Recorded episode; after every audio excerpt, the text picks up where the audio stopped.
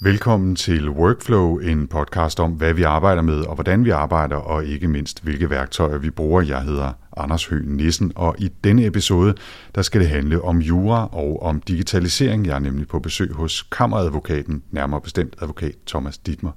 Hej Thomas, tak fordi jeg måtte komme. Selv tak. Det er en fornøjelse, i hvert fald indtil videre. I hvert fald indtil videre, men der er jo også både kaffe og ingefærshots og øh, øh, gurkestænger og hele balladen, ja, så vi, vi går ikke ned på tilbehør i hvert fald. Det gør vi i hvert fald Nej, stemningen, stemningen er sat. Thomas, øh, du arbejder her især med opgaver inden for digitalisering og IT, og det skal vi selvfølgelig tale meget mere om, og, og dine processer osv. Når man læser din præsentationsside, så er det rimelig overvældende, hvor mange ting du egentlig beskæftiger dig med. Hvordan præsenterer du dig selv og forklarer, hvad du laver, når du er ude til middagsselskaber eller, eller i andre sammenhæng? Jeg plejer sådan øh, lidt populært at sige, at jeg er digital advokat, fordi det spænder faktisk over to forskellige ting. Øh, det spænder øh, for det første over, at jeg hjælper vores klienter med deres digitaliseringsprocesser. De har en masse øh, forretningsgange og så videre, der skal digitaliseres, og øh, der skal de bruge noget advokatbistand, og det hjælper jeg dem med. Øhm, og det er hovedsageligt offentlige klienter. Det er typisk statslige myndigheder, øh, der har et område, hvor vi siger, her vil vi faktisk gerne, typisk af, af en, en intern hensyn eller øh, borgerhensyn, der vil vi gerne have digitaliseret et eller andet for at gøre det mere effektivt, for at gøre det nemmere, øh, og alle de effektiviseringsgevinster, der typisk er. Øhm, de projekter, jeg har arbejdet meget med, det er sådan relativt øh, store projekter. Øhm, jeg har arbejdet øh, de sidste par år med med øh, det, der hedder MitID, som er den nye øh, NemID-løsning, øh, og den er, øh, der er vi i gang med et udbud. Øh, men det er jo en løsning, øh, som, øh, som øh, Digitaliseringsstyrelsen og bankerne øh, i fællesskab laver, øh, hvor jeg så er fast advokat på øh, og hjælper igennem hele den proces. Det, øh, det er enormt spændende, fordi det er en, en spændende øh, sådan konstellation af kunde, hvor man både har hele det offentlige repræsenteret, fordi det er en løsning, der berører alle, alle offentlige. Øh, du skal bruge dit øh, NemID øh, i fremtiden, MitID, til at tilgå alle offentlige løsninger. Men det er også en, en opgave, hvor vi har bankerne med, fordi at bankerne er også afhængige af, at vi kan bruge det, når man tilgår øh, bankhjemmesider øh, for eksempel. Øh, så det er en meget, meget spændende øh, proces, og så er det særligt spændende, fordi det er noget, der berører os borgere. Mm. Det er noget, der, øh, der har en borgervinkel, og det er noget, der faktisk berører en, en selv til sidst. Ja. Øh, så der er, der er ret høj, i sådan en proces er der ret høj mening for mig. Øh, det er noget, der er meget givende. Det er sådan den ene del af det, det var bare for at nævne et eksempel, for at ligesom illustrere, når vi snakker digitaliseringsprocesser, hvad er det så egentlig, vi, vi snakker om. Det er sådan det ene ben af det. Det andet ben er, at det, vi, det jeg laver, og det vi uh, kigger meget på her hos Kammeradvokaten, det er, at vi, uh, vi kigger jo også uh, på årstallet, der nu hedder 2018, og vi kigger også lidt fremad, uh, og når man gør det, så øh, vil man øh, hurtigt kunne se, at det kræver faktisk øh, nogle, øh, nogle omstillinger øh, som et advokatkontor. Øh, der er nogle nye udfordringer, og der er en digitaliseringsbølge, som man skal med på. Så udover at vi hjælper vores klienter med deres digitaliseringsprojekter, så har vi en masse digitaliseringsprojekter internt også. For ligesom at, det er både nogle interne processer, men det er også for at blive et digitalt advokatkontor. Øh, hvis man kan sige det sådan lidt øh, populært. Øh, det er jo ikke det, vi, vi, vi, øh, du lige kan finde, der står på hjemmesiden, men der står øh, i stedet for, at øh, vi har digital fokus. Det er, det er højsædet for os. Det er en øh, ting, vi, øh, vi arbejder i enormt meget med. Øh, vi har sådan en øh, sådan politik, eller i hvert fald en, en retningslinje, der hedder, at hver gang der kommer nye medarbejdere ind i, i huset her, så opfordrer vi dem faktisk til at sige, øh, er der nogle ting, der, øh, der, der, der undrer jer? Er der nogle ting, hvor I, I tænker, hvorfor er det egentlig, man gør det på den her måde? Øh, og det kan være en intern proces, Øh, og det kan også godt være, øh, jeg kan se et eller andet hos vores klienter, eller jeg har selv været klient, eller hvad det nu måtte være, men i hvert fald nye mennesker i huset, der måske ikke sådan er vokset op, og i hvert fald blevet fartblinde på de arbejdsgange, der nu er.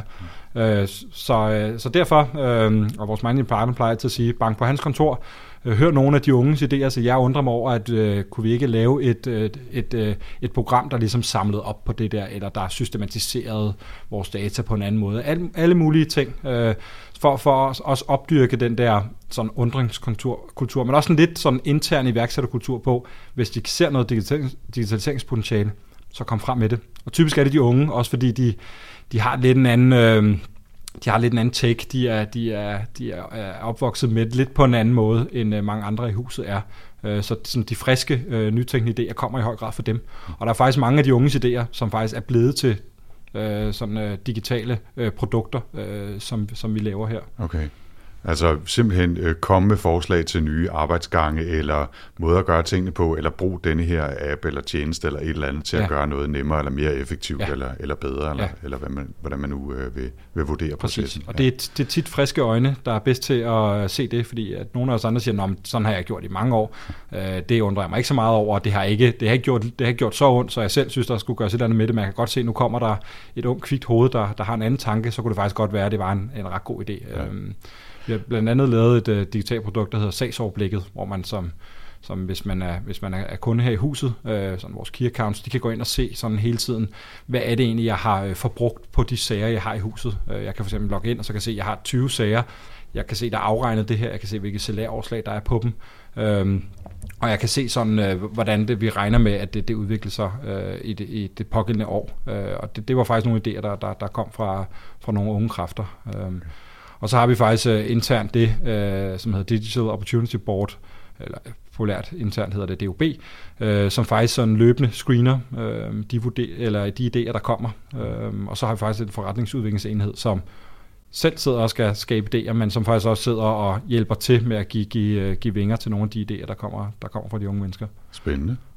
Ja. Og øh, i hvert fald øh, potentielt jo noget, der kan komme en masse gode ting ud af. Mm. Øh, og det lyder også som om, at øh, siger med alle mine øh, fordomme i behold om, øh, om alle mulige store virksomheder og konstruktioner, at det lyder som om, der bliver lyttet til det, mm. øh, både sådan i det daglige og, og i det her DOB, øh, mm. at, at de her projekter bliver evalueret.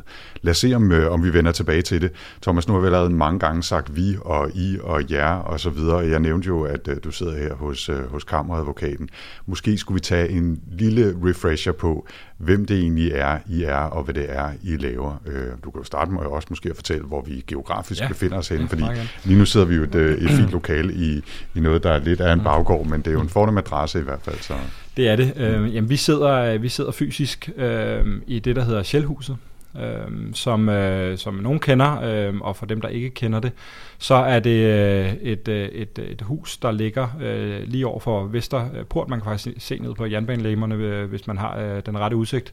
Øh, og så ligger det øhm, øh, også på, øh, på Kammernsgade øh, og Nyopsgade, så det ligger sådan på... Øh, sådan øh, øh rundt om, øh, om de tre veje. Øh, Sjælhuset er kendt, øh, fordi der er lidt, lidt øh, historisk svung over det, og det var fordi det oprindeligt blev opført af, af Shell, øh, ikke så overraskende.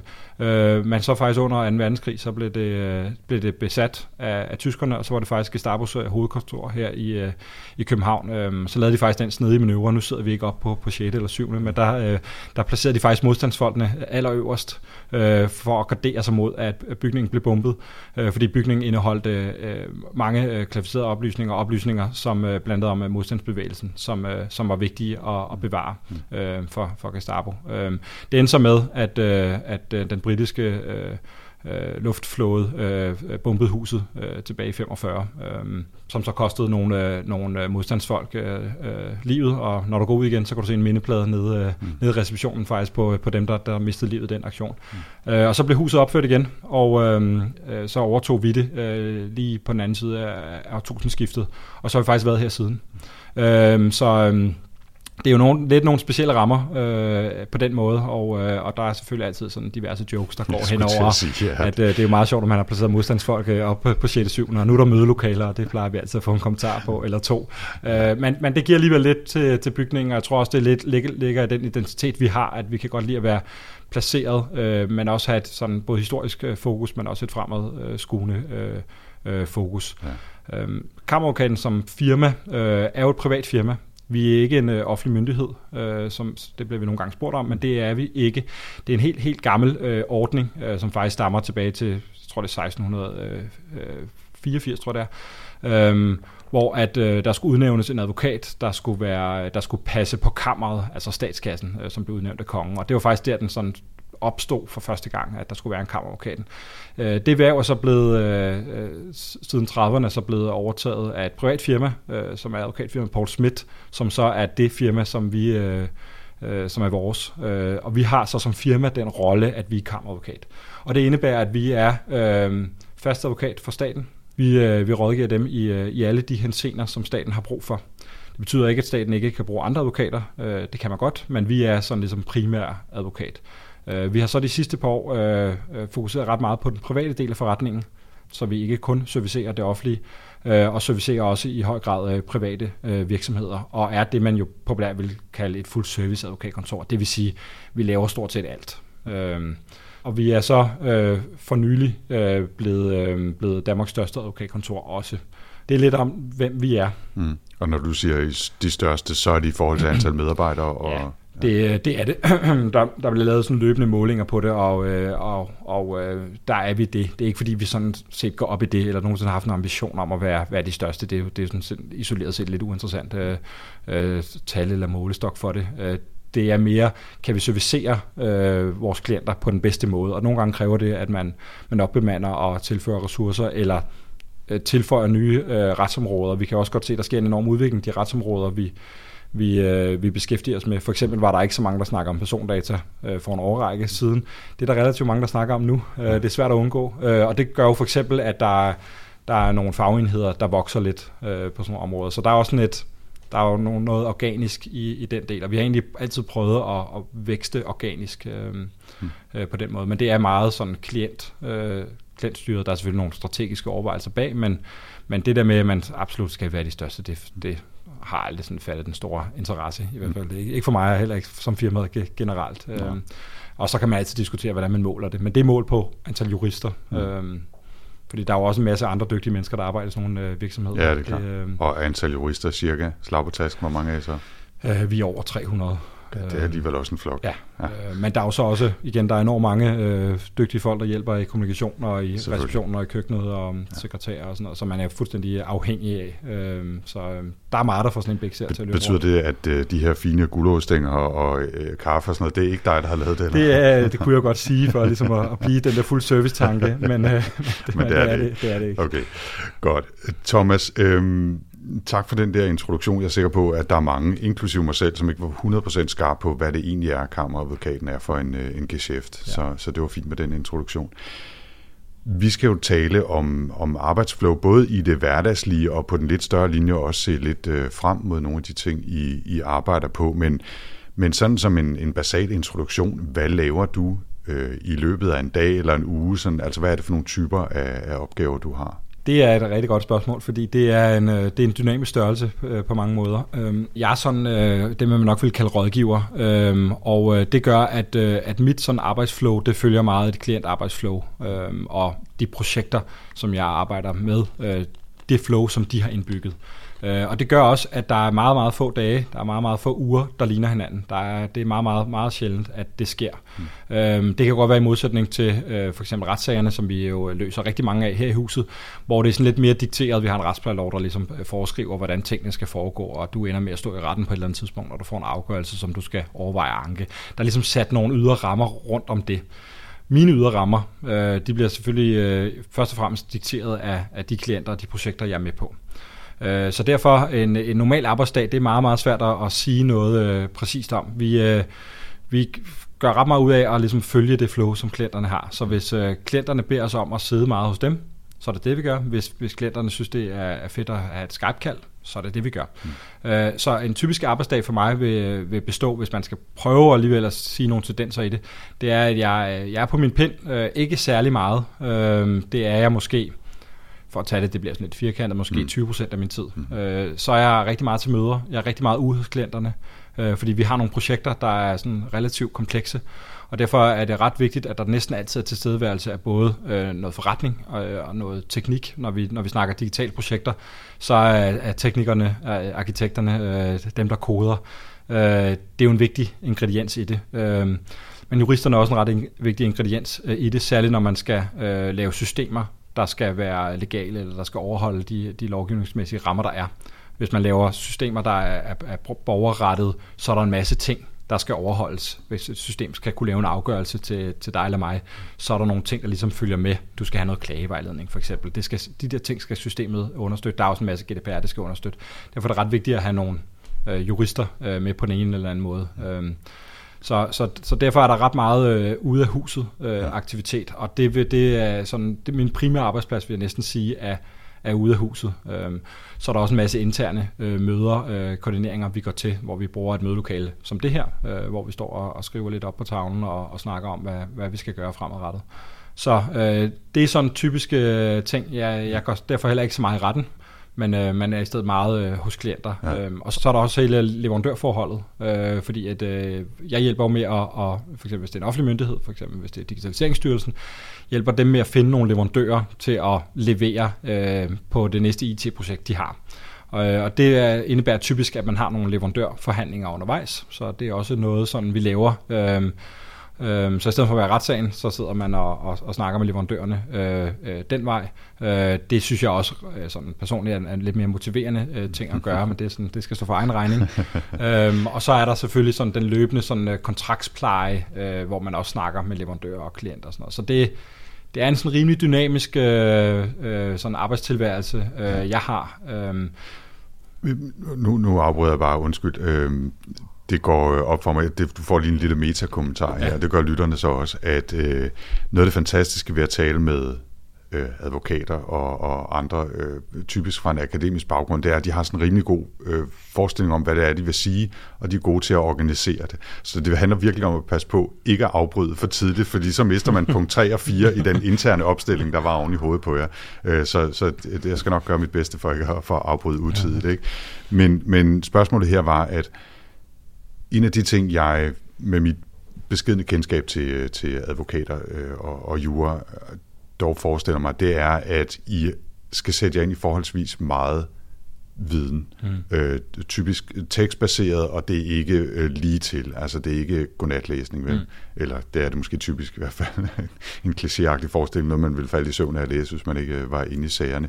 Hvor meget af din tid er du nødt til at bruge på det også? Fordi du kan jo ikke bare rende til møder og så øh, blive, blive klogere øh, øh, nej. Øh, organisk det, på den måde. Nej, øh, der er... Øh, fordi man kan sige, det, øh, det, vi jo, det vi jo kommer med, fordi at vi, vi rådgiver jo øh, øh, myndigheder og virksomheder, der også har, har egne jurister ansat for eksempel. Mm. Øh, og det kræver, at, at vi ligesom kommer med et, et vist vidensniveau. Altså vi skal tilføre noget værdi til projekterne. Det kræver helt rigtigt, at man, øh, man er sat meget ind i tingene. Og det kræver, at der er, øh, at man læser en del. Det, det, det er fuldstændig rigtigt. Mm. Øh, det er både for at forstå øh, juraen, som jo også hele tiden udvikler sig. Man, man, man kan ikke sige, nu har jeg lært nok, nu, øh, nu, nu øh, det var det på universitetet, så har man taget efteruddannelse, og så er det nok. Det er det. Øh, nogen måske sige desværre, jeg synes egentlig, det er en god ting, øh, at det, det udvikler sig, fordi det gør også, at vi, vi er, prøver at udvikle os lidt. Øh, men der er faktisk også rigtig meget sådan projektmæssigt, der er meget forretningsforståelse, man skal kunne. Du skal vide, hvad er det for en virksomhed eller myndighed, hvad er det for en strategi, de har. Ellers er det meget, meget svært at navigere i din, din rådgivning. Selvfølgelig er det en juridisk baseret rådgivning, men du skal vide, hvorfor har vedkommende det mål, vedkommende har.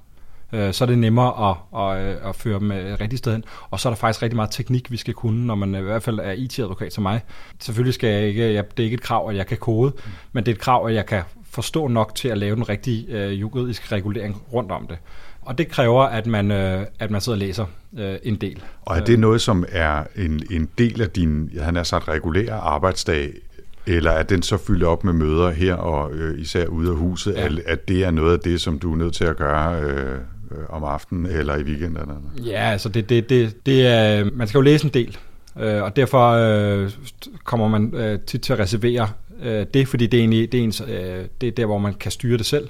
Øh, derfor kommer man tit til at lægge det øh, lidt senere eller om morgenen. Jeg kan egentlig godt lide at møde lidt tidligt, og så for eksempel at sige, at det, det er sjældent, man har møder. Nu har jeg også et lille barn, der er så venlig at stoppe lidt tidligt, så øh, man kommer automatisk op.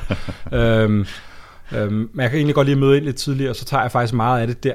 Øh, så jeg sidder og læser op, så har man også lidt frisk hoved netop, hvis man skal sidde og læse lidt øh, teknik eller forretning, der skal kombineres med noget jura, så, øh, så kræver det lidt, at man er lidt, lidt frisk i hovedet. Men tag det der, også fordi der er typisk ikke møder, og der er ikke så mange afbrydelser. Øh, så derfor er det rart øh, at gøre det der. Der gør det tit, øh, faktisk om morgenen. Øh. Og det er, det er faktisk også, øh, i hvert fald i min egen erfaring og, og det, jeg hører fra andre, at det er faktisk der, hvor man kan sætte sig ned og fokusere i måske en time eller mm. halvanden på noget, som er svært eller kræver et højt, øh, et højt fokusniveau, ja. ikke? Øh, og, og måske et højt energiniveau. Og så er det også typisk der, hvor, hvor man ikke bliver forstyrret lige ja. så meget. Ikke? Altså, ja.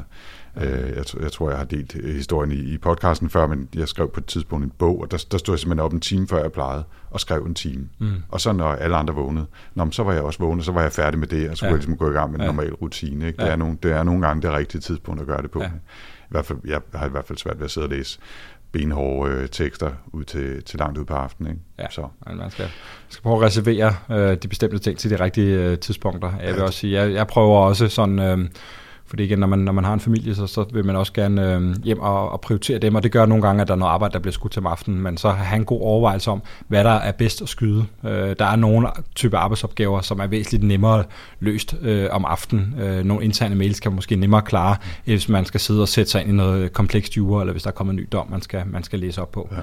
Øhm, så det er faktisk en overvejelse, jeg sådan har rimelig, øh, hvis ikke på daglig basis, så ret ofte. Ja. Øh, faktisk, hvad man ligesom kan putte i de forskellige tidsrum, fordi man bare arbejder.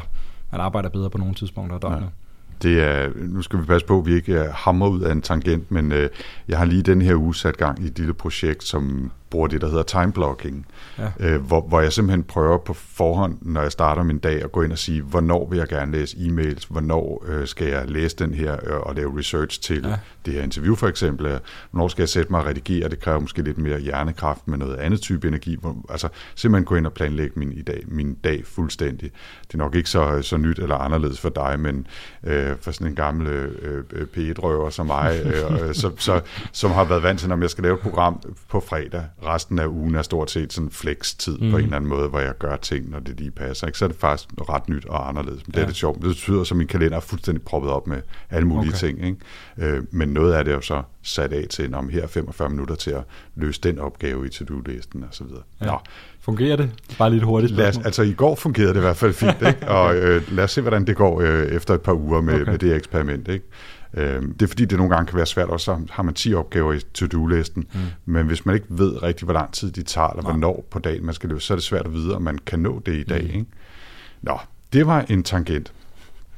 En sidste ting, før vi lige uh, tager et par lidt mere konkrete spørgsmål om, om dine uh, arbejdsværktøjer, dine arbejdsflows. Uh, kan du sige noget om, hvor lang tid det typisk tager for dig at være involveret i en opgave for en, for en klient? Altså er det, er det mere normalt, at det var øh, en måned eller et år, eller hvor ligger vi henne? Ja, det er meget forskelligt. De, de store sådan projekter, øh, for eksempel det, jeg omtalte før med, med det nye MIDI, det, det, er, det er en lang proces, øh, som løber over, over en årrække. Øh, fordi først, først skulle der lige etableres et samarbejde mellem bankerne og offentlige, det, det var ligesom første step, og så nu skal vi finde en ny løsning. Så det, det, er, det, det er et projekt, der tager nogle år. Øh, men vi har også projekter, vi har også vi gennemfører også IT-udbud, som er væsentligt hurtigere, ja. øh, som tager et par måneder. Og så har vi en del, der, så får vi en del sådan løbende ad hoc spørgsmål, som er det er typisk, hvis der måske kan være indgået kontrakt, øh, og så siger jeg, at vi har lige øh, et eller andet spørgsmål til forståelsen af en rettighedsbestemmelse, eller hvordan var det lige, vi skulle behandle data, eller hvad det nu måtte være. Og det, det er jo mere sådan, øh, vi får noget materiale, vi, vi, vi mødes måske et par dage efter, øh, og så kan det være, at vi laver et lille skriv øh, hen over noget, det kan også være, at vi ikke gør det. Øh, men så er det jo noget, der ligesom er afviklet på, øh, på en uge eller et par dage. Øh, så det, det, det er meget forskelligt. Det er igen, klienterne dikterer jo ligesom den måde, vi, vi skal gøre det på, og så kommer vi selvfølgelig med, med input til, hvis, hvis vi synes, at der er ikke nogen grund til at, at, at skrive 30 sider om det, men i stedet vi kunne skrive to og tage et møde, så, så det er jo selvfølgelig også en variant. Ja. Øhm. Men det lyder også som om, at du har en del parallelt, så altså ja. både store opgaver, som ja. kan tage lang tid i flere år, ja. og så de der ad hoc ting, ja. så, så du har hele tiden altså en del bolde i luften, lyder det ja, til. Det, ja, det, det, jeg har ikke i mit uh, arbejdsliv endnu, og det, det synes jeg egentlig er en, en, en god ting. Jeg har ikke haft sådan ligesom kun ét projekt. Det er klart, når der er store projekter, så bliver man uh, tidsmæssigt allokeret mere til til det her. Det, det igen, og hvis der er en klient, der gerne have, at man sidder med dem øh, og laver, øh, laver noget af materialet, eller forhandler med nogle leverandører, så, så er det jo nogle, nogle dage og, og tidsrum, man ligesom tager ud af kalenderen. Og så er det jo svært at lave parallelle ting. Øh, men vi har næsten altid øh, flere ting øh, sideløbende. Øh, fordi sådan nogle processer har også nogle lidt forskellige øh, livscyklus, og der er nogle perioder, hvor der sådan erfaringsmæssigt øh, for eksempel når man kører udbud, så ved man godt, at der er nogle perioder, hvor at der er lidt mindre tryk på end andre. Det er klart, hvis man er i forhandlingsfase med nogle leverandører, hvor man sidder sådan på daglig basis og forhandler, så er det rimelig intensivt. Altså så har man for eksempel tre forhandlingsdage med en leverandør, og så skal man jo, når man er færdig med det, så skal man jo forberede næste dag, og når man er færdig med det, så skal man forberede. Der bliver det sådan meget, øh, der bliver det meget intensivt. Øhm, Lad os, øh, lad os prøve at blive en lille smule konkret, så kan vi jo altid vende tilbage til også nogle af de større linjer senere omkring uh, digitalisering og så videre, men, men jeg har jo den her uh, nørdet nysgerrighed på, hvad folk egentlig bruger, når de arbejder mm. af værktøjer. Ikke? Det lyder som om, at du rigtig meget bor i en, uh, i en kalender. Og, og måske også et, et e-mailprogram. Hvad, hvad, hvad bruger du? ja, det er, ja. ja vi, har, vi har ikke så overraskende en Outlook-løsning, mm. der, der ligesom understøtter øh, både kalender- og e-mail-funktionen.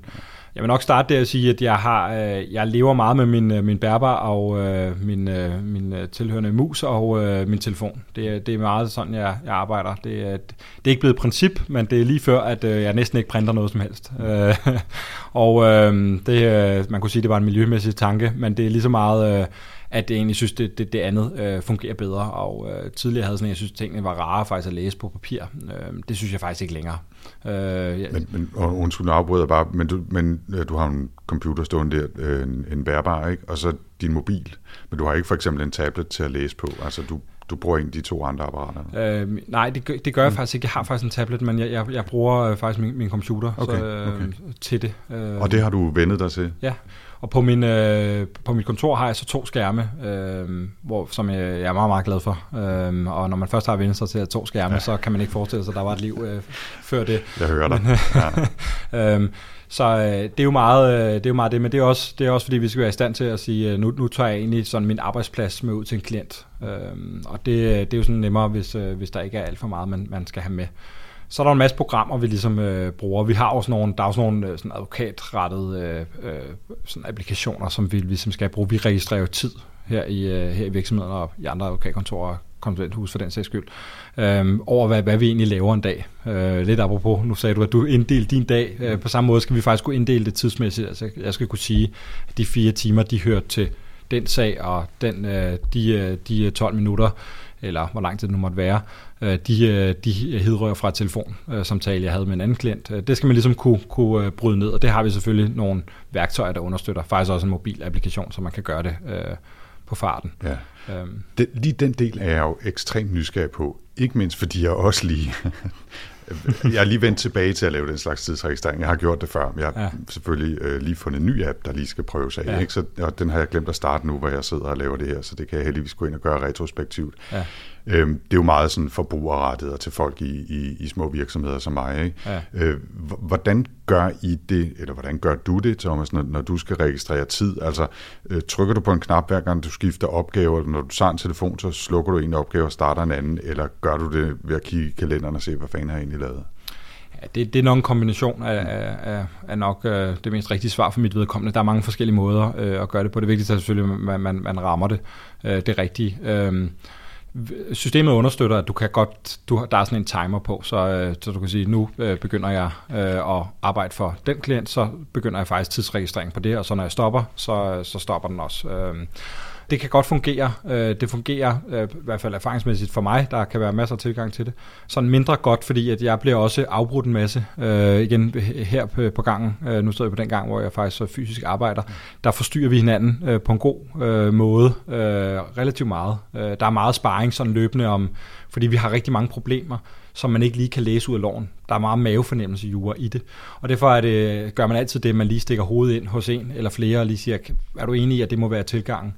Derfor fungerer det ikke så godt øh, til den arbejdsdag, jeg har. Det fungerer lidt bedre, hvis jeg har en arbejdsdag, altså sådan i almindelighed. Det fungerer lidt bedre, hvis jeg ved, nu skal jeg bruge øh, x antal timer på at sidde og skrive en kontrakt, øh, og det skal jeg sidde nogenlunde i ro om af. Så fungerer timeren ret fint. Øhm, så jeg bruger den, øh, når jeg lige synes, det er hensigtsmæssigt, øh, og så ellers så skriver jeg noget ned, og så prøver jeg faktisk at gøre det rimelig løbende, øhm, sådan så jeg ikke har sådan en gæld på øh, min tidsregistrering, fordi lige snart der går lidt tid, nu har vi så også nogle krav til, hvor hurtigt man skal gøre det, men, men det, det, det er egentlig det er bedst, at man får det afviklet helst efter. Altså hvis jeg lige har talt med en, så bare få det, få det registreret. Men det kan der være alle mulige grunde til, at man ikke lige får gjort, og så, så samler jeg altid op, når dagen er omme, Og derfor for at svare på det aller sidste. Mm. Derfor bliver det jo også sådan, hvad var, det, hvad var det egentlig, der skete den dag? Jeg kan se, at jeg har timeren siger x antal timer, og så har jeg selv lige registreret det, og så kan jeg se, at så var jeg lige ude til møde, og det skal jeg lige huske, og så kan jeg lige se, hvor lang tid det varede, eller jeg, øh, jeg kan se, hvornår der er dokumenter lukket ned. Hvad, er, hvad er detaljegraden egentlig i, i den registrering? Er vi nede på minutter, eller er vi nede på blok af 5 eller 10 minutter? Eller? Øh, vi er på blok af 6 minutter. Okay. Øhm, det er forholdsvis detaljeret.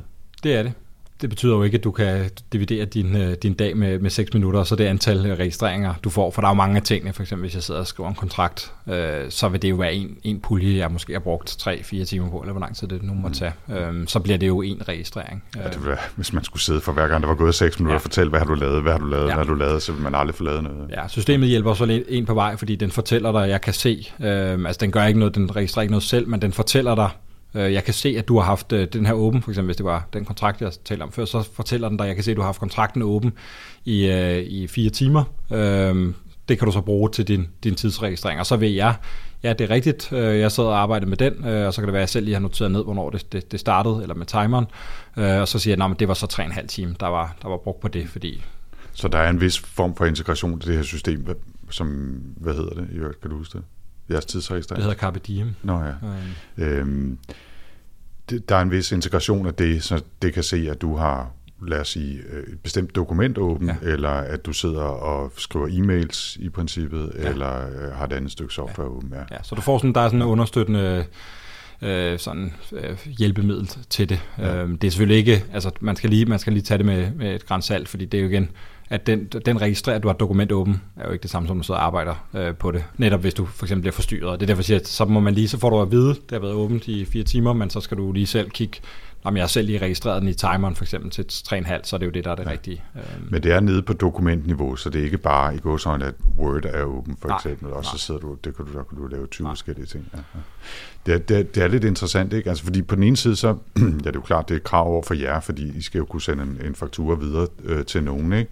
Øhm, men hvad det gør ved en, at man bliver så bevidst om, hvad man har brugt tid på. Mm. Det kan jo både være øh, ekstremt givetigt, fordi så ved man, hvor lang tid tingene tager pludselig, mm. og kan måske bedre bruge det øh, fremadrettet i, mm. i planlægning.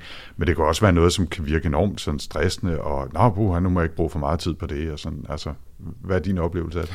Ja, det, det er et spørgsmål, jeg ret ofte får fra folk, der okay. ikke er vant til det. Jeg har også kollegaer, der ikke længere er i advokatbranchen, som altid ynder at sige, at de synes, det er rart at komme, komme væk fra det. Øhm, men altså, jeg, jeg er et sted, hvor jeg har vendet mig til. Det er en, det er en daglig rutine. Øh, jeg tænker altid ikke særlig meget over det. Det, er ikke, det ligger ikke som sådan en pligt, jeg skal gøre, fordi det er ligesom sådan, sådan en groet del. Altså, det er på samme måde som at have en kaffe om morgenen, når man kommer så, øh, så bliver der tidsregistreret øh, færdigt, når man, når man går, øh, eller når man lukker ned, hvornår det måtte være. Ja. Så jeg tænker ikke så meget over det. Så er der faktisk nogle, nogle meget fede, som du selv siger, nogle meget fede sådan afledte effekter af det, fordi vi har jo så ret præcis billede af, hvad man egentlig øh, får en dag eller en uge eller et år til at gå med. Fordi så kan du se, at vi, fordi vi har også, der er jo øh, der er forskellige tidskoder til, hvad man laver. Øh, derfor kan du også, øh, du, kan, du kan ret godt planlægge, øh, faktisk også fremadrettet, fordi du har noget ret godt empiri, du kan kigge på.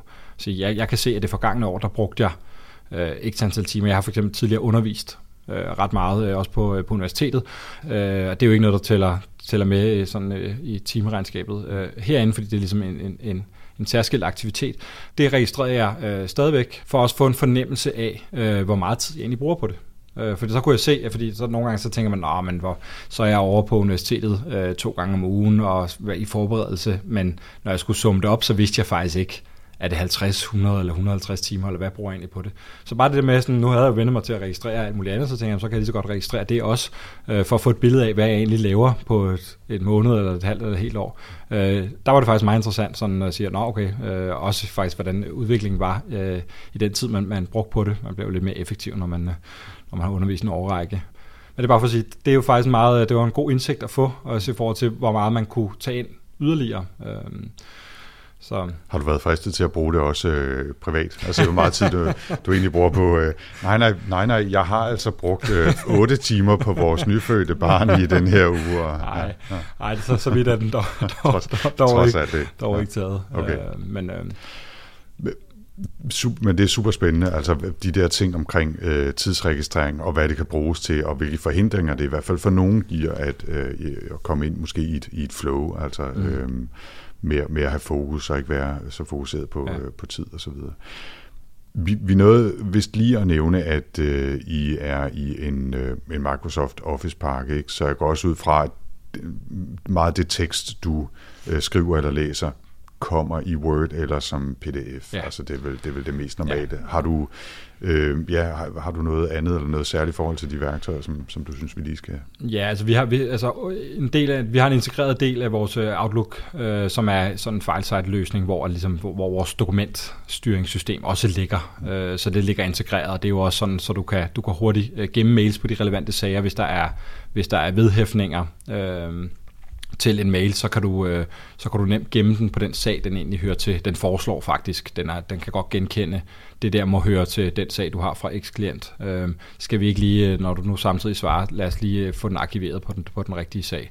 Mm. Øh, så hele den løsning er faktisk samlet i en, øh, og det er jo også fordi, at, øh, at de der løsninger skal, skal, skal jo helst gøre livet så nemt øh, for jurister som muligt, og for alle mulige andre. Øh, men men i vores forretning, hvor at vi jo øh, lever af øh, de, øh, de penge, som vi, øh, vi tjener ind, øh, så er det jo vigtigt at, ligesom, at understøtte, hvordan vi øh, gør det bedst muligt. Øh, øh, der er heller ikke nogen klienter, der har interesse i, at, øh, at jurister sidder og bruger lang tid på ting, der ikke ligesom, øh, giver noget værdi for dem. Det er en ret god løsning, jeg egentlig synes, vi har. Øh, så ved siden af det, så, øh, så bruger folk jo lidt forskellige løsninger i forhold til for eksempel, hvordan holder du styr på, hvad du skal. Øh, der er nogen, der bruger Outlook øh, til det. Der kan man godt øh, oprette øh, nogle opgaver i det. Øh, det gør jeg ikke øh, personligt selv. Jeg bruger, jeg bruger øh, og kan rigtig godt lide at bruge øh, boards eller Kanban boards. Jeg bruger øh, mm. det, der hedder Trello, ja, øh, ja. som en del sikkert kender, mm. øh, faktisk til min, øh, til min sådan, daglige sådan, øh, opgaveunderstøttelse. Okay. Øhm, og det kan jeg godt lide, fordi det er, det er meget nemt at vedligeholde. Altså der er ikke så meget, du skal ikke gøre så meget, at du kan selv styre, hvor meget du vil skrive i det, og hvor mange øh, hvordan du vil sætte dit board op. Men det, det, er, sådan, det er ret intuitivt. Det, der, er ikke så meget, der er ikke så stor vedligehold til det. Du skal ikke gøre så meget i det. Og så følger det faktisk det arbejdsflow, man, man sådan i forvejen har, i hvert fald, så, som jeg har. Øhm. Måske skulle lige, altså der er, øh, vi, har, vi har vendt det et par gange før i, i podcasten her, der er givetvis mange derude, der kender men du kan jo lige fortælle kort, hvad det er, og, og hvordan du bruger det så, ja. øh, for lige at illustrere. Ja, det er jo sådan et, et digitalt board, altså det er en digital tavle, øh, hvor man kan sætte, det jeg konkret har gjort, det er, at jeg har en, en to-do-liste, som er øh, det, man i Isøren vil kalde en backlog, som er opgaver, øh, som jeg skal lave. De er i en kolonne øh, til venstre, Øh, ja, tak. Jeg skænker lige kaffe, mens yes. Thomas fortæller. Ja. Som er en, en kolonne øh, til venstre, sådan som jeg har gjort det. Øh, når jeg så påbegynder en opgave, så putter jeg den over i en kolonne, der er til højre øh, for den, som hedder doing. Mm. Forestil dig, at det er, en, det er nærmest en post-it, man flytter øh, på en tavle over til en kolonne, der nu hedder det, jeg så er i gang med. Så har jeg en, der hedder hos andre, øh, og så vil jeg også typisk skrive, hvem det er hos. Er det hos klienten? Det kan være, at man har sendt et kontraktudkast, hvor man så venter på, at klienten vender tilbage med, med nogle øh, kommentarer til det. Så ligger den i hos andre, og så den sidste, øh, jeg har i min, sådan, min private, det er at øh, done. Øh, den er så færdig med, og så på et eller andet tidspunkt, når jeg, når jeg synes, det der er gået lang tid nok, så, så fjerner jeg dem helt, øh, helt fra det. Øh, og det følger meget det flow, øh, som øh, jeg også har arbejdsmæssigt, øh, fordi der er enormt meget øh, klientudveksling, øh, og der er også nogle, nogle interne ting, vi, vi skal holde styr på. Så det der hos andre er også en ret vigtig ting. Øh, øh, sådan i mit virke. Øhm. Er der nogen, som du arbejder sammen med, som også bruger Trello? Altså så I bruger den der teamfunktion, der også ja, er i det? det gør vi. Vi gør det faktisk meget på interne projekter. Øh, hvis vi ved, vi, det er særligt, hvis vi ved, at nu er der et uh, projekt, øh, hvor der skal laves en masse forskellige dokumenter. Vi har også, øh, vi har her i huset, så går vi ret meget ud af at lave sådan øh, paradigmer og eksempelsamlinger, og vi har også øh, her i teamet har vi sådan et referenceværk, øh, men det består jo af en masse øh, et referenceværk til at lave kontrakter, øh, skulle jeg måske lige at sige. Men en kontrakt består af en, af en hovedkontrakt og så en masse bilag. Øh, og når man for eksempel laver det, så er det jo, øh, det kan være, at der skal laves 15 forskellige dokumenter, en kontrakt og 14 bilag, eller det kan være sat op på mange måder. Så er der ret mange forskellige dokumenter, der skal udarbejdes af nogle forskellige kræfter. Det kan for eksempel være, at vi har en, der er, er, er rettighedsekspert her i vores team. Øh, det, det, hun skal så lave øh, rettighedsbilaget, øh, det er vigtigt, at hun ligesom får øh, signet på den opgave, og øh, at hun kan drible med den i, i bordet, hvorimod det kan være, der er en andet, øh, det kan være, der er vederlagsbilag, som er en, der har højere ekspertise på det, der skal lave. Så derfor er der ret mange involveret i sådan nogle, og der synes jeg, det understøtter det rigtig godt. Vi har faktisk også brugt det og, og bruger det faktisk også med klienter igen, vi, når vi øh, rådgiver sådan ind i digitale processer, så er der rigtig mange af vores klienter, der er rigtig, øh, eller der, der er med på, på noderne, øh, øh, og er ret modne i deres øh, digitale understøttelse af deres arbejdsgange. Øh, så vi bruger tit øh, et board som det. Øh, konkret har vi faktisk et projekt nu, hvor vi kommer til at bruge Trello, og det er, fordi vi også er mange, der er mange forskellige dokumenter, der skal laves, og vi er mange forskellige personer, der øh, skal arbejde med materialet, fordi at der er både os, så er der også en, en, en konsulent på, og så er der vores klient.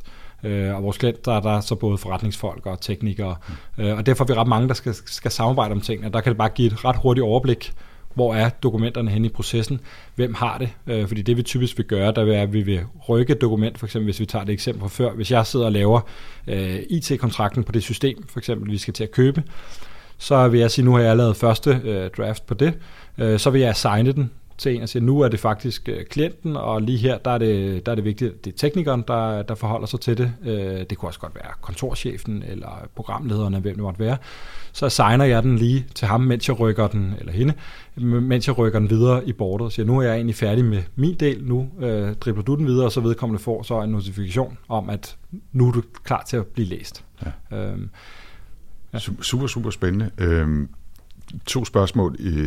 Det første, i min erfaring er det ikke altid nemt at få folk øh, til at bruge det samme værktøj, fordi folk har mange forskellige præferencer, og nogen mm. gider ikke noget nyt, og, og så videre. Men, øh, men det lader til, at øh, I det faktisk lykkes for jer? Måske også fordi det er nogle specielle typer af kunder eller klienter, I arbejder ja, sammen vi, med? Vi er nok lidt, øh, vi er nok lidt begunstiget af, at øh, det er tit, øh, når, det, når det er IT-folk, ja. så, øh, så er det, har folk jo også naturlig interesse typisk for nogle af de her ting, øh, ligesom øh, du og jeg jo har. Ja. Så, er det jo, så er det også mere naturligt at ligesom sige, ja, jeg vil egentlig også gerne kigge ind i, hvad kan jeg blive digitalt understøttet i min arbejdsproces. Men det, og, og det jeg vil sige, det er det er at typisk klienterne faktisk, der kommer og foreslår, at vi øh, arbejder på den her måde, og vi, vi øh, altså igen, det, hos os er det jo øh, klientens øh, ord, der også er lov, så hvis, hvis de siger, at vi arbejder øh, for eksempel med den her løsning, så, øh, så tager vi øh, den ind under, ind under huden. Øh, vi har for eksempel mange, og det synes jeg faktisk også er en anden ting, der, der fungerer ret godt. Vi arbejder tit med sådan nogle SharePoint-agtige løsninger, eller e-share-løsninger, altså hvor man, øh, øh, som er jo er dokumentbehandlingsprogrammer, øh, som kan skabe et overblik øh, i projekter, men også øh, samle dokumenterne. Men så er der også den fordel, at du kan se, hvem der arbejder i dokumenterne. Øhm, og det er, i, for eksempel i de seneste projekter, der er det klienten selv, der ligesom siger, at øh, vi, vi vil gerne have en effektiv proces, og derfor har vi bygget det op omkring for eksempel en e-share-løsning. Ja. Og så kan man gå ind og se, og det synes jeg er en, en rigtig fed ting, øh, at øh, så kan man gå ind og se, at der er faktisk nogen, der sidder og arbejder i det her dokument, øh, og nogle af løsningerne er så smarte, at du faktisk godt kan sidde og arbejde i samme dokument, du kan bare ikke få lov til at arbejde i samme afsnit. Så hvis der er nogen, der sidder og arbejder i afsnit 2.2, øh, så kan jeg ikke få lov til at pille med det, før, før vedkommende er færdig. Men jeg kan godt gå ned i afsnit 4 og skrive, øh, hvis der er nogle juridiske specifikheder, der skal afspejles, så kan jeg gøre det samtidig. Ja. Øhm, det er en ret fed måde at arbejde på, øh, udover at det skaber sådan et fællesskabsfølelse, øh, man er ligesom sammen om dokumenterne, øh, så fjerner det nogle af de udfordringer, der nogle gange kan være med sådan øh, versionsstyring af dokumenter. Øh, fordi det er jo altid, Øh, Øh, hvis man har nogle processer, hvor tingene går, øh, hvor det er lidt parallelt, og der er en masse dokumenter, der er afhængige af hinanden, så er det ret vigtigt, at man faktisk har samme udgangspunkt altid for det dokument, man sidder og kigger i. Og så nytter det ikke noget, at jeg har for eksempel en udgave af en kontrakt liggende på mit bord, og der er nogen, der så skal sige, Hov, hvad var det lige, vi skrev op i kontrakten? Vi, gad, vi, vi vil gerne have leverandøren til at øhm, for eksempel levere support på en IT-løsning. Øhm, det, det skal jeg skrive noget om nede i bilag, så det er ret vigtigt, at kontrakten øh, også har øh, den, øh, det, det afsnit om support, men det kan være, det først er kommet ind senere, så, så nytter det ikke noget, hvis der er en, der så kigger på en udgave, hvor det ikke er med. Mm. Hele det der, det fjerner du ret meget ved at gøre det der. Øh, vi har også ret meget intern fokus på det, faktisk, at, man kun, at der kun ligger et dokument. Hvis man går ind på en sag, og man kigger på kontrakt, så ligger der kun én, et Word-dokument, der hedder kontrakt så kan der godt ligge uh, 10, 20, 30 versioner nedenunder, ja. hvor der så er kommentarer Hvis man går tilbage i historien ja. og så videre. Og der skal ja. kun ligge en, så ja. du skal ikke komme ind, uh, og der, der, har vi, uh, der har vi lidt uh, stram disciplin. Det er også fordi, når man er IT-team, som vores er, så må man jo være lidt forgangsmænd. Men, mm. men vi vil ikke have en sag, hvor man kommer ind, og så uh, er der 10 forskellige uh, Word-dokumenter, og så er der en, der hedder gammel kontrakt, brug ikke, eller opdateret øh, nu, øh, denne er retvisende. Ny final øh, ja, sidste præcis. Ja, Hele det der, sådan, ja. jeg vil gerne vide det, øh, fordi det er ret vigtigt, for når jeg skal lave andre ting, i, i, fordi dokumenterne hænger sammen, så er det bare ret vigtigt, at, det, at vi snakker ud fra samme udgangspunkt. Ja. Øhm, så. Altså, super spændende også. Jeg tror faktisk, øh, at det par afsnit siden, at jeg havde en, som simpelthen kom med det øh, gode tip øh, til sidst i, i podcasten her, at, at man altså skulle navngive sine dokumenter stringent og kun have én mm. final vision, og det skulle hedde det, den hed. Den skulle ikke hedde noget med final sidste Nej. ny uh, punktum et eller andet. Mm. En, en lille kommentar til det der med at, uh, at vælge værktøjer, og, og at folk, uh, jeres klienter også nogle gange foreslår, altså der er sådan et eller andet sweet spot, ikke? fordi der er de gamle, som altid har brugt et eller andet, de gider i hvert fald ikke prøve noget nyt, øh, fordi de sender e-mails, eller de skriver tingene på den måde, og bum. Så er der sådan nogle tosser som mig, som skifter øh, to-do-liste hver andet øjeblik, ikke? fordi, ej, se noget ny, ny skinnende mm. ting, der, øj, den kan noget andet, det prøver vi, ikke? Det, det kan man heller ikke bruge mm. til noget. Og så er der det der sweet spot imellem, hvor man finder en, en ny eller nyere løsning, som for eksempel Trello, øh, og så bruger man det, mm. øh, og så udnytter man, at det kan noget mere end, mm. end de gode gamle værktøjer. Men der er jo altid sådan lidt udfordring med, åh, uh, Microsoft Teams, øh, nå, det kan vi også bruge, eller mm. hvad med Slack, nå, det kan også mange mm. af de her ting, eller et eller andet, ikke? Øh, det andet spørgsmål, som jeg lige øh, bare kort vil, vil smide over til dig i forbindelse med Trello, det er jo, at, at det er jo et, et, et forholdsvis, øh, hvad kan man sige, øh, internetagtigt firma. Ikke? Altså øh, Microsoft er selvfølgelig også meget øh, cloud-baseret efterhånden, ikke? men det er alligevel en stor, solid øh, kontorløsning, mm. som har en masse, øh, øh, i mangler bedre udtryk, øh, sådan konsoliditet over sig. Ikke? Mm. Øh, hvor Trello og, og andre af de mere moderne værktøjer er nogle konstruktioner, hvor alting ligger på en server et eller andet sted i USA. Ja. Giver det anledning til nogle overvejelser for jer, eller vælger I et værktøj, og så skal der selvfølgelig være en vis bund af sikkerhed i det, men ellers så bruger I det, fordi det virker. Det overvejer selvfølgelig hver gang, vi, øh, vi, vi, vi bruger et eller andet. Øh, og med, med Trello konkret har vi været inde og kigge på sikkerheden i det. Så det er vi, det er vi i ro med. Øh, men men vi, vi har også samtidig den overvejelse, at vi skal, vi skal ikke bruge det til mere, end det skal understøtte. Og på grund af de forhold, som du nævner der, så vil vi også altid have en snak om, hvor meget vi skal flytte ind også i forhold til vedligeholdelsen på det. Altså det der med, hvis du skriver mange ting inde i hver, sådan, på den her opgave, der skal man gøre x, y, z, og jeg skal involvere en masse. Øh, det kan man selvfølgelig godt, men det bliver tungt at vedligeholde, for du skal hele tiden ind og rette hver gang, der sker et eller andet i det. Øh, der kunne, øh, i hvert fald det vi har god erfaring med, der kunne det formål, man har med at bruge værktøjet, lige så godt blive understøttet af, at sige, her står der bare kontrakt, der står det kammeradvokaten, der har, skal lave første udkast, øhm, og så ved jeg, hvem der skal kigge på det bagefter og så ikke skrive faktisk mere end det. Øhm, og så kan man jo have, fordi så har man jo ved siden af for eksempel sin SharePoint-løsning, hvor kontrakten så reelt ligger, og så kan man jo få de kommentarer ind, man har, du skal være særlig opmærksom på punkt øh, XYZ, øh, og generelt har vi vinklet det på en bestemt måde. Det kan man jo skrive derinde, så man ikke øh, sådan overdynger Trello med, øh, med oplysninger, både af det du selv nævner, men også i forhold til at skulle vedligeholde det, fordi jo mere du propper ind, jo mere besværligt du gør det, desto sværere bliver det også bare at, at få det øh, holdt retvisende hele tiden. Og man må også sige, at sådan nogle løsninger, de skal understøtte et arbejdsflow, og hvis de bliver for besværlige, så har folk bare ikke brugt det. Ja. Fordi så, så har folk fornemt ved at gå tilbage til deres, øh, deres gamle øh, arbejdsvaner, og så siger de, at jeg har altid egentlig siddet og skrevet ned på en blog, og så mailer jeg bare, når vi er færdige med nogle af tingene. Og ja. det, det fungerer sikkert også godt i nogle processer, men så mister man lidt formålet med det. Så det er også at finde den der balance i, hvor meget man ligesom, hvor meget information man, man hælder ind i ja. øh, af de to grunde. Og, og, og der er jo også altid en balance mellem at bruge mange forskellige værktøjer, som er super gode til det, de skal, og så til gengæld øh, forholdsvis enkle og, og, og til at overskue, men så skal man altså bruge fem forskellige værktøjer, mm. eller forsøge at finde en løsning, der, der kan det hele, ja. og så er man kun der, men til gengæld kan det meget hurtigt blive meget komplekst og, mm. og svært at opdatere osv. Ja. Det er jo en, en konstant balance.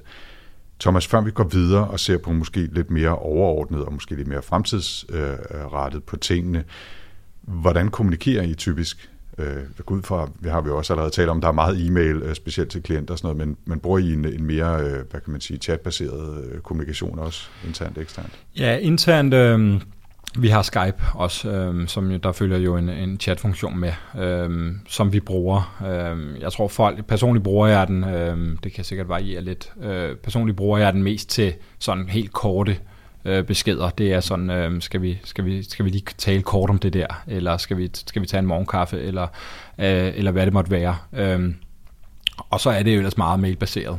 Øh, det hænger selvfølgelig også lidt sammen med den, den, øh, den rolle, vi har. Øh, der er jo nogle ting, øh, for nu sidder vi jo og snakker meget om samarbejde, der er også nogle ting, vi øh, og en klient bliver nødt til at have skrevet ned nogle steder. Øh, og det er jo for eksempel mail, eller i, i, i nogle Word-dokumenter, eller PowerPoint, eller hvad man nu synes er det rette format for det. Men der er noget skriftlighed bundet rundt om noget rådgivning. Der er også noget skriftlighed, som en klient skal bruge for at lægge på en klients sag. Så vi, vi har faktisk konsulteret vores advokat her. Øh, vi kan godt gå videre med det projekt, vi har gang i, og det ligger der så et, et, et, et kort øh, Word-dokument eller et skriv på, vi har gjort. Så der er noget skriftlighed, som man ikke rigtig kan komme udenom. Øhm, og, og det er jo, så det, det, er jo, det fylder jo en del også. Øh, men i arbejdsformen, øh, der, der prøver vi øh, i hvert fald øh, her hos os øh, og, og gøre det meget, meget øh, teambaseret. Øh, også det der med at samplacere os med, med klienten, gør, at vi, øh, vi har rigtig meget mundtlig dialog. Mm. Øh, vi har også vi har mange chancer, både klient, men også internt, øh, hvor vi øh, for eksempel i et mødelokale som det her, går op og tager den tavle, der er bag os, og så simpelthen skriver, skriver tingene op. Det er også en arbejdsform, vi bruger rigtig meget, også fordi mange af de problemer, øh, vi skal løse, de er øh, på godt og ondt ikke altid så nemme, øh, så derfor er det, øh, så, er der ret, så er der tit brug for, at vi sparer rundt om det. Det er også tit noget, der berører flere retsområder. Det er desværre ikke, sådan nogle retsområder er desværre ikke øer, så derfor bliver man nogle gange nødt til at sige, nu skal jeg faktisk have nogle, nogle, øh, nogle folk nede for vores øh, dygtige konkurrenceretsafdeling til lige at smage med på det her.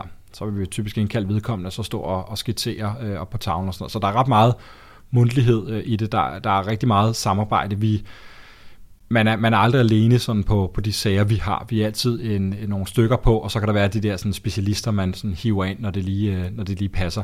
Men det gør, der er meget, øh, der er meget øh, både internt, men også ekstern øh, sådan, øh, mundtlig kommunikation øh, rundt om det. Thomas, nu pegede du lige op på, på whiteboardet her bag ja. dig, som jeg øvrigt kan fortælle, at jeg har renset virkelig, virkelig godt. Øh, det er dagens anledning. Det, jeg tænker, der, der kan sikkert også risikere at stå nogle, øh, nogle forretningshemmeligheder eller fortrolige oplysninger på sådan nogle taler rundt omkring, hvis man ikke ja. har folk, der virkelig spritter af øh, øh, bagefter. Men, øh, men det kan jo tjene lidt som en, som en anledning til at, at tale lidt sådan også på den, på den større bane om, øh, om forholdet mellem analog og digital, og måske især den, den digitale fremtid. Øh, din branche er jo en af dem, der har været peget på som et, et oplagt sted, og man er jo allerede gået godt i gang. Det er I også med automatisering og øh, i en eller anden grad indførelse af øh, det, vi kunne kalde kunstig intelligens, eller mere avanceret algoritmisk mm. behandling af, mm. af data og information osv.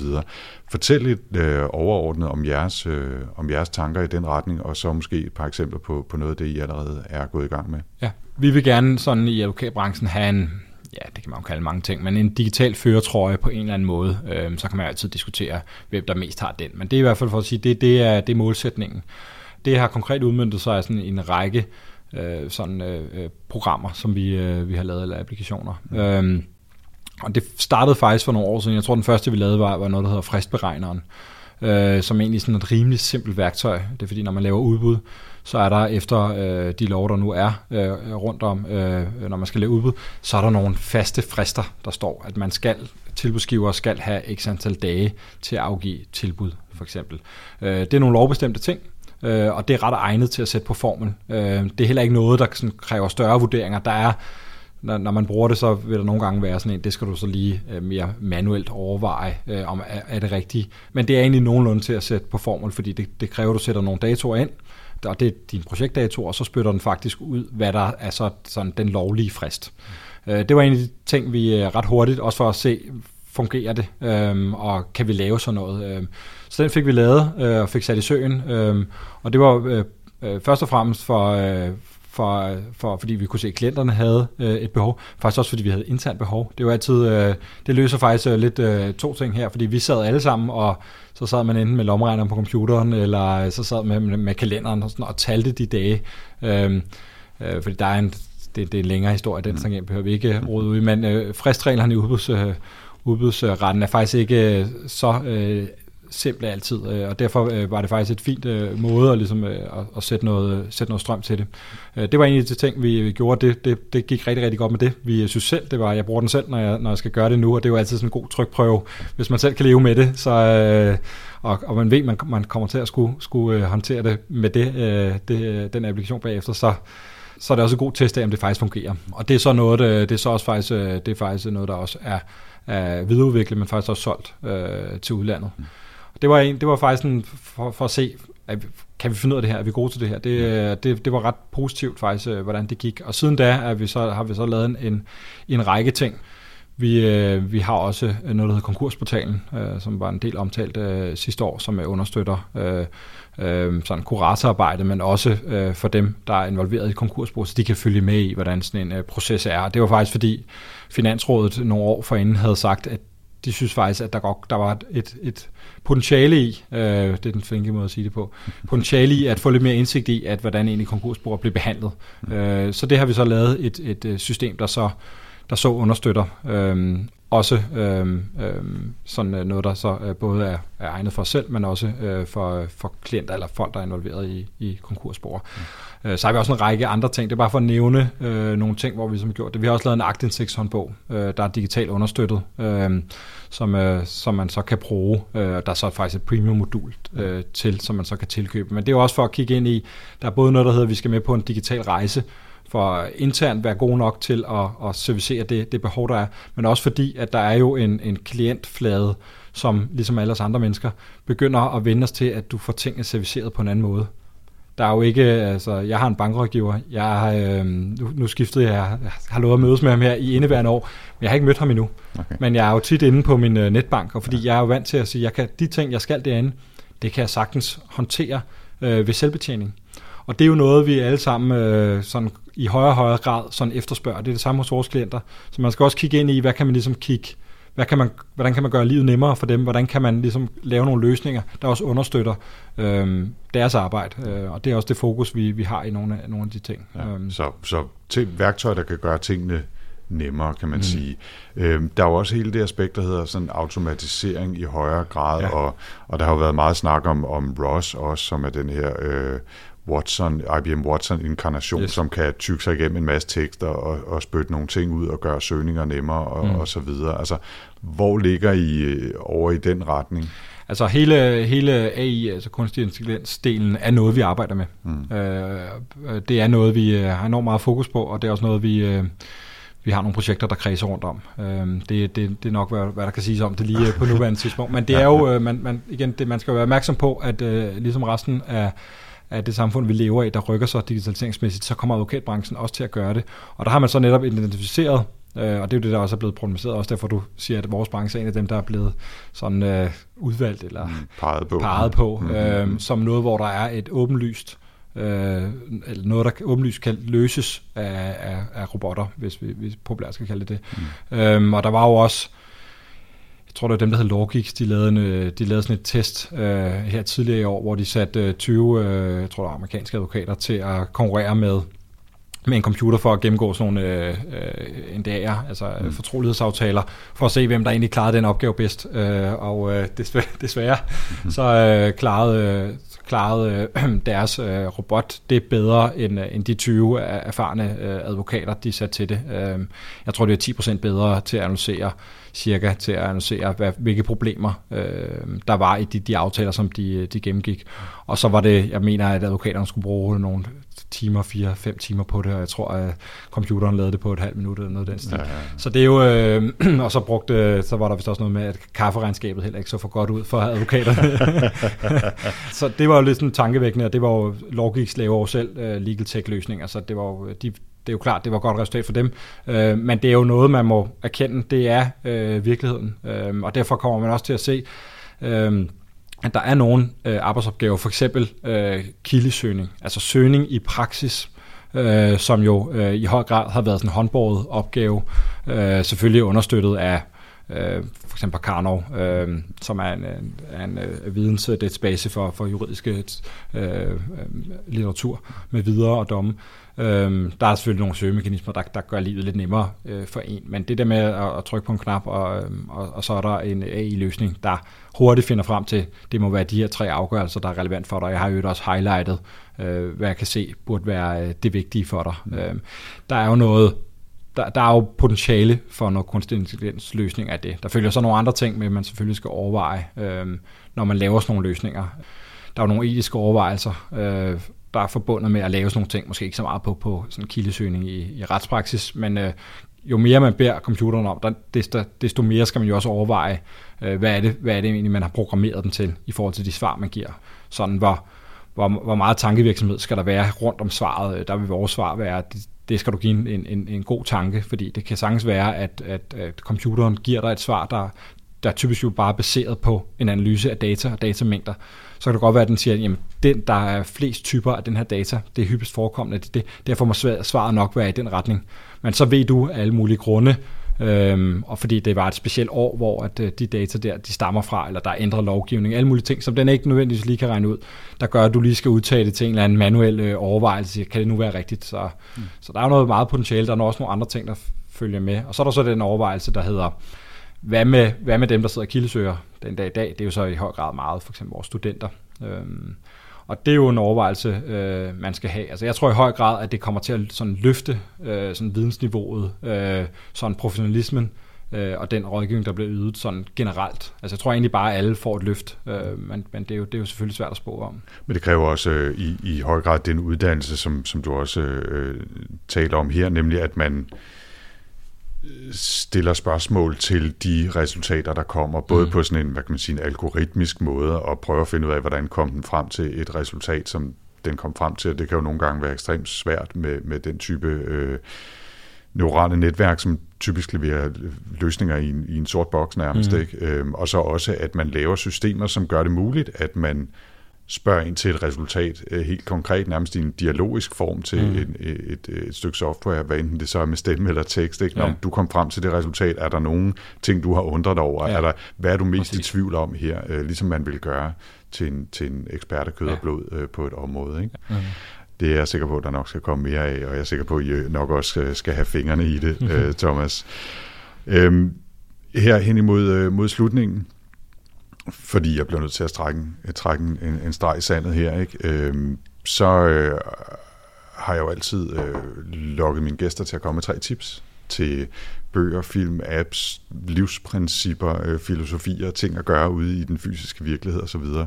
Og øh, nu kigger jeg bare over på dig og antager, at du rent faktisk har forberedt dig, fordi øh, du ser ikke helt panisk ud, når jeg, når jeg kigger på dig og siger det, ellers er jeg sikker på, at du kan tænke hurtigt. Men øh, Thomas, øh, tip nummer et?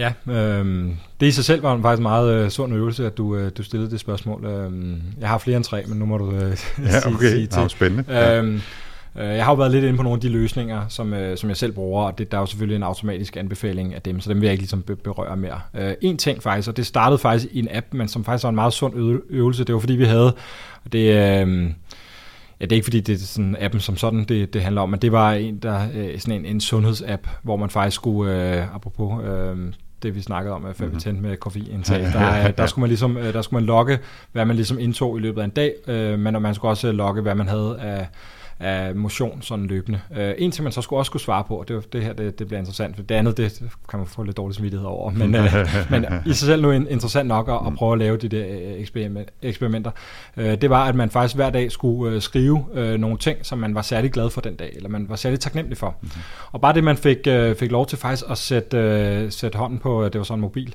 øh, øh, og skrive ind i applikationen, hvad var det for nogle ting, der ligesom gjorde en taknemmelig. Det er måske lidt overdrevet at gøre det hver dag, men det aktiverede en tanke hos mig faktisk, at øh, en gang imellem bare stoppe op, hvad man bruger værktøj til det, og sige, hvad var egentlig, øh, hvad har egentlig været øh, noget, jeg var glad for, øh, fordi det kan, og, og, og omvendt, det kan være noget, jeg var mindre glad for, øh, fordi det kan gå ret hurtigt, øh, særligt en, en hverdag, som jeg har.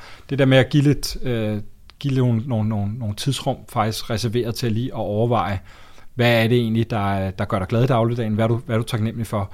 Øhm, det er jo sådan en peaks and valleys øvelse på mange måder, ligesom at identificere, hvad, hvad, hvad synes du var fedt den forgangne måned, eller år, eller uge, eller hvad man nu vil gøre det på. Jeg synes hver dag, det er måske lige øh, voldsomt nok. Jeg, jeg gør det nok, øh, jeg gør det måske to gange om måneden nu, hvor jeg lige prøver bare her, det kan være på cyklen, eller når jeg er ude og gå med en lille, hvornår må det være.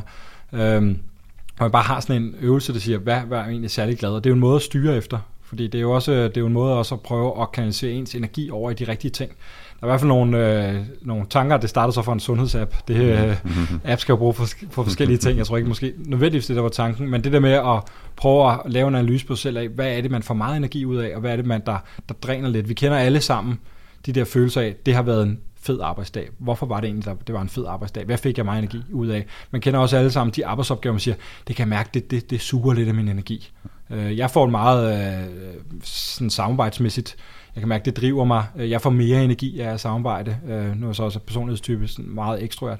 Men øh, det er jo klart, hvis man, hvis man er mere introvert, så kan det godt være, det dræner ind. Men det er derfor, det, det er en vigtig analyse ja, at lave ja. på en eller anden måde. Det opstod ud fra den, så det var nok en opfordring til, at man en gang imellem, om man putter det i sin Outlook, eller man bruger en app, eller hvad man gør, bare lige at tage et tidsrum på at, at, at kigge på, hvis jeg lige skal vælge de tre fedeste ting for ugen, der gik, eller måneden, der gik, eller året, der gik, eller noget, hvad var så det, og hvad siger det egentlig om den måde, jeg vil arbejde på, eller det, den, det menneske, jeg er. Nu, nu, nu bliver det lidt... Øh, ja, ja, men, det er okay. Øh, det, det kan vi også godt klare. Ja, ja. ja, ja. Øhm, men det, det, det var en, øh, ja. det er en ting. Ja, øhm, rigtig godt tip. En anden ting, øh, det lyder sådan lidt 90-reklameagtigt, øh, det er, når vi snakker alt det her digitalisering, øh, så er der en ting, jeg er faktisk begyndt at gøre mere, som øh, jeg synes er en, en, en fed ting. Det er faktisk at bruge telefonen Øh, ikke øh, nødvendigvis kun til det skriftlige, men til det mundtlige. Øh, nogle gange kan vi godt glemme lidt, og faktisk, øh, det, det lyder også lidt populært, men at tale med hinanden, øh, det giver noget andet. Og øh, i, i, et, en verden, som vi, vi sidder i nu, der kan du altid, øh, altid gemme dig bag et øh, tastatur, eller et, øh, din telefon, eller øh, hvad, hvad du bruger. Men faktisk nogle gange, i stedet for at sige, jeg ringer lige, øh, det kan både være til en klient, hvor nogen siger, jeg kunne godt skrive til vedkommende, men igen, det, det er ikke fordi, der er noget bestemt rådgivning, men jeg ringer bare, for jeg skal lige have en bedre forståelse af det, og det er altid en god ting. Nu ringer jeg også til dig i går, bare det, lige for det at sige, ja, ja. sige lidt samme overvejelse.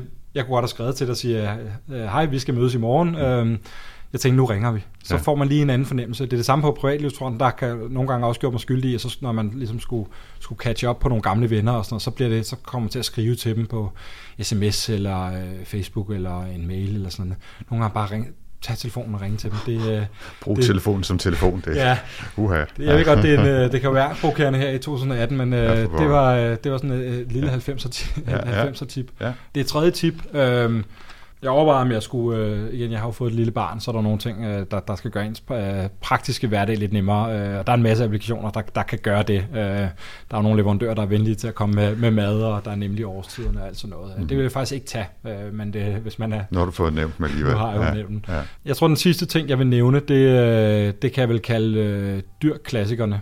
Øh, for mig øh, startede det egentlig med, at øh, jeg havde en god ven, øh, der sagde til mig, øh, har du egentlig styr på sådan de 100 bedste albums? Øh, og det kan man jo diskutere herfra og til den dag, vi ikke er her længere, øh, okay. hvad man mener med det. Men faktisk bare sådan gå målrettet ind på alle de der øh, artister, som man altid har tænkt over, hvorfor er det egentlig, at folk snakker så meget om dem? Jeg har ikke rigtig helt forstået det.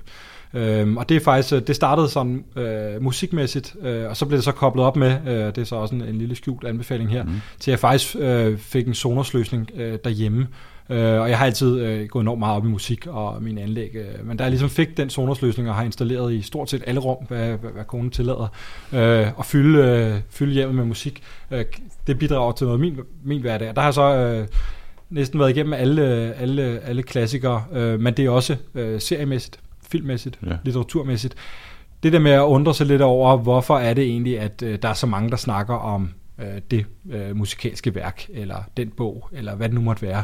Øhm, også en opfordring til, øh, det nyeste ikke altid det bedste, øh, men faktisk øh, søge lidt tilbage. Øh, det giver også lidt forståelse for, øh, hvor vi er i dag. Det er ikke fordi, man, bare fordi man nødvendigvis tager Neil Young frem, og man så forstår bedre, hvorfor vi, vi sidder her i dag, men det giver alligevel, øh, det giver alligevel lidt øh, perspektiv, også bare at lidt anerkendelse af, at der er altså nogle tidligere, der har lavet nogle, nogle rigtig, rigtig gode ting. Øhm, ja. Så, øhm, godt, så godt forslag. En, øh, ja på, og det, det er bredt. Jeg har lige fået overtaget min kone til at se Band of Brothers, for eksempel. Okay.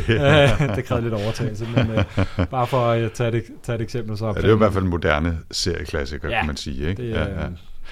Det, det er mit lille bonus uh, add-on tip til, til den sidste her. Jeg synes, der har været tre super gode og meget uh, bredt fagnende tips her. Min, min tilføjelse til det sidste er, at jeg læste en god artikel, som handlede om, hvordan moderne streamingtjenester øh, kan man sige, faciliterer den der søgen tilbage, fordi meget tit så står der jo sådan en biografi om de enkelte kunstnere, hvis man lige klikker derind. Mm. Og der står tit også, hvem de er inspireret af, mm. og prøver at bruge det som en vej tilbage i, via noget musik, som måske er nyt eller moderne, eller man bare har et forhold til at finde frem til andre ting, der er relateret til det, eller har inspireret dem til at lave den musik, de så har lavet. Mm. Det er faktisk en god måde at komme mm. tilbage, og meget ofte så havner man jo tilbage hos nogle grundsten, ikke? Altså, mm. øh, hvad ved jeg, Beatles og, og Dylan og øh, i den genre, ikke? Hvis, hvis man er over i rock og pop, ikke? Men mm. altså, men det er faktisk en, en, en en måde, man kan bruge de her streamingtjenester ja. på andre, anderledes, end man måske ellers ville gøre, ja. hvor man bare vælger ting, man kender i forvejen. Ikke? Så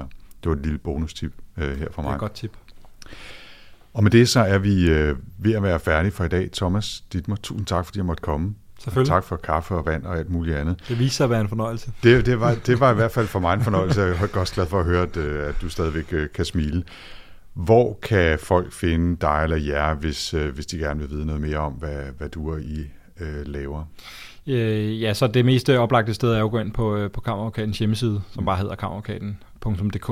Øh, der kan man lidt læse nærmere om, øh, hvem vi er, øh, også den, den historiske baggrund, men også det her digitale øh, udsyn, som vi, vi har, og så kan man læse nærmere om ja, de, den viden og forretningsområder, øh, som vi har i huset, og man kan også godt læse nærmere mit team og mig selv, hvis, øh, hvis øh, man øh, måtte fatte interesse for, øh, for IT-kontrakter og digitalisering med videre. Nu er du sådan en, øh, en digital øh, yngre mand. Er der, er der nogle steder, øh, øh du ellers gerne vil have, at folk finder dig på Twitter eller Snapchat eller man, LinkedIn? Man, man er altid eller velkommen til at gå ind på, uh, på LinkedIn. Jeg, er, jeg er meget lidt kredsen for, hvem jeg, jeg, jeg accepterer. Så, uh, det, så skulle, det skulle du ikke have sagt nu. Men det er man selvfølgelig velkommen til. Det er fint. Det linker jeg til fra show notes og fra podcastens hjemmeside, og så vil jeg bare sige tak igen jeg hedder Anders Høgh Nissen, og jeg kan findes på det store internet på potlab.dk eller på Twitter som potlab.dk, og hvis man vil vide mere om, hvad jeg render og foretager mig sådan lidt mere øh, personligt, så er mit eget Twitter-navn Anders Stade 4ND3RS. Og tilbage er der bare at sige på genhør, og tak for den gang.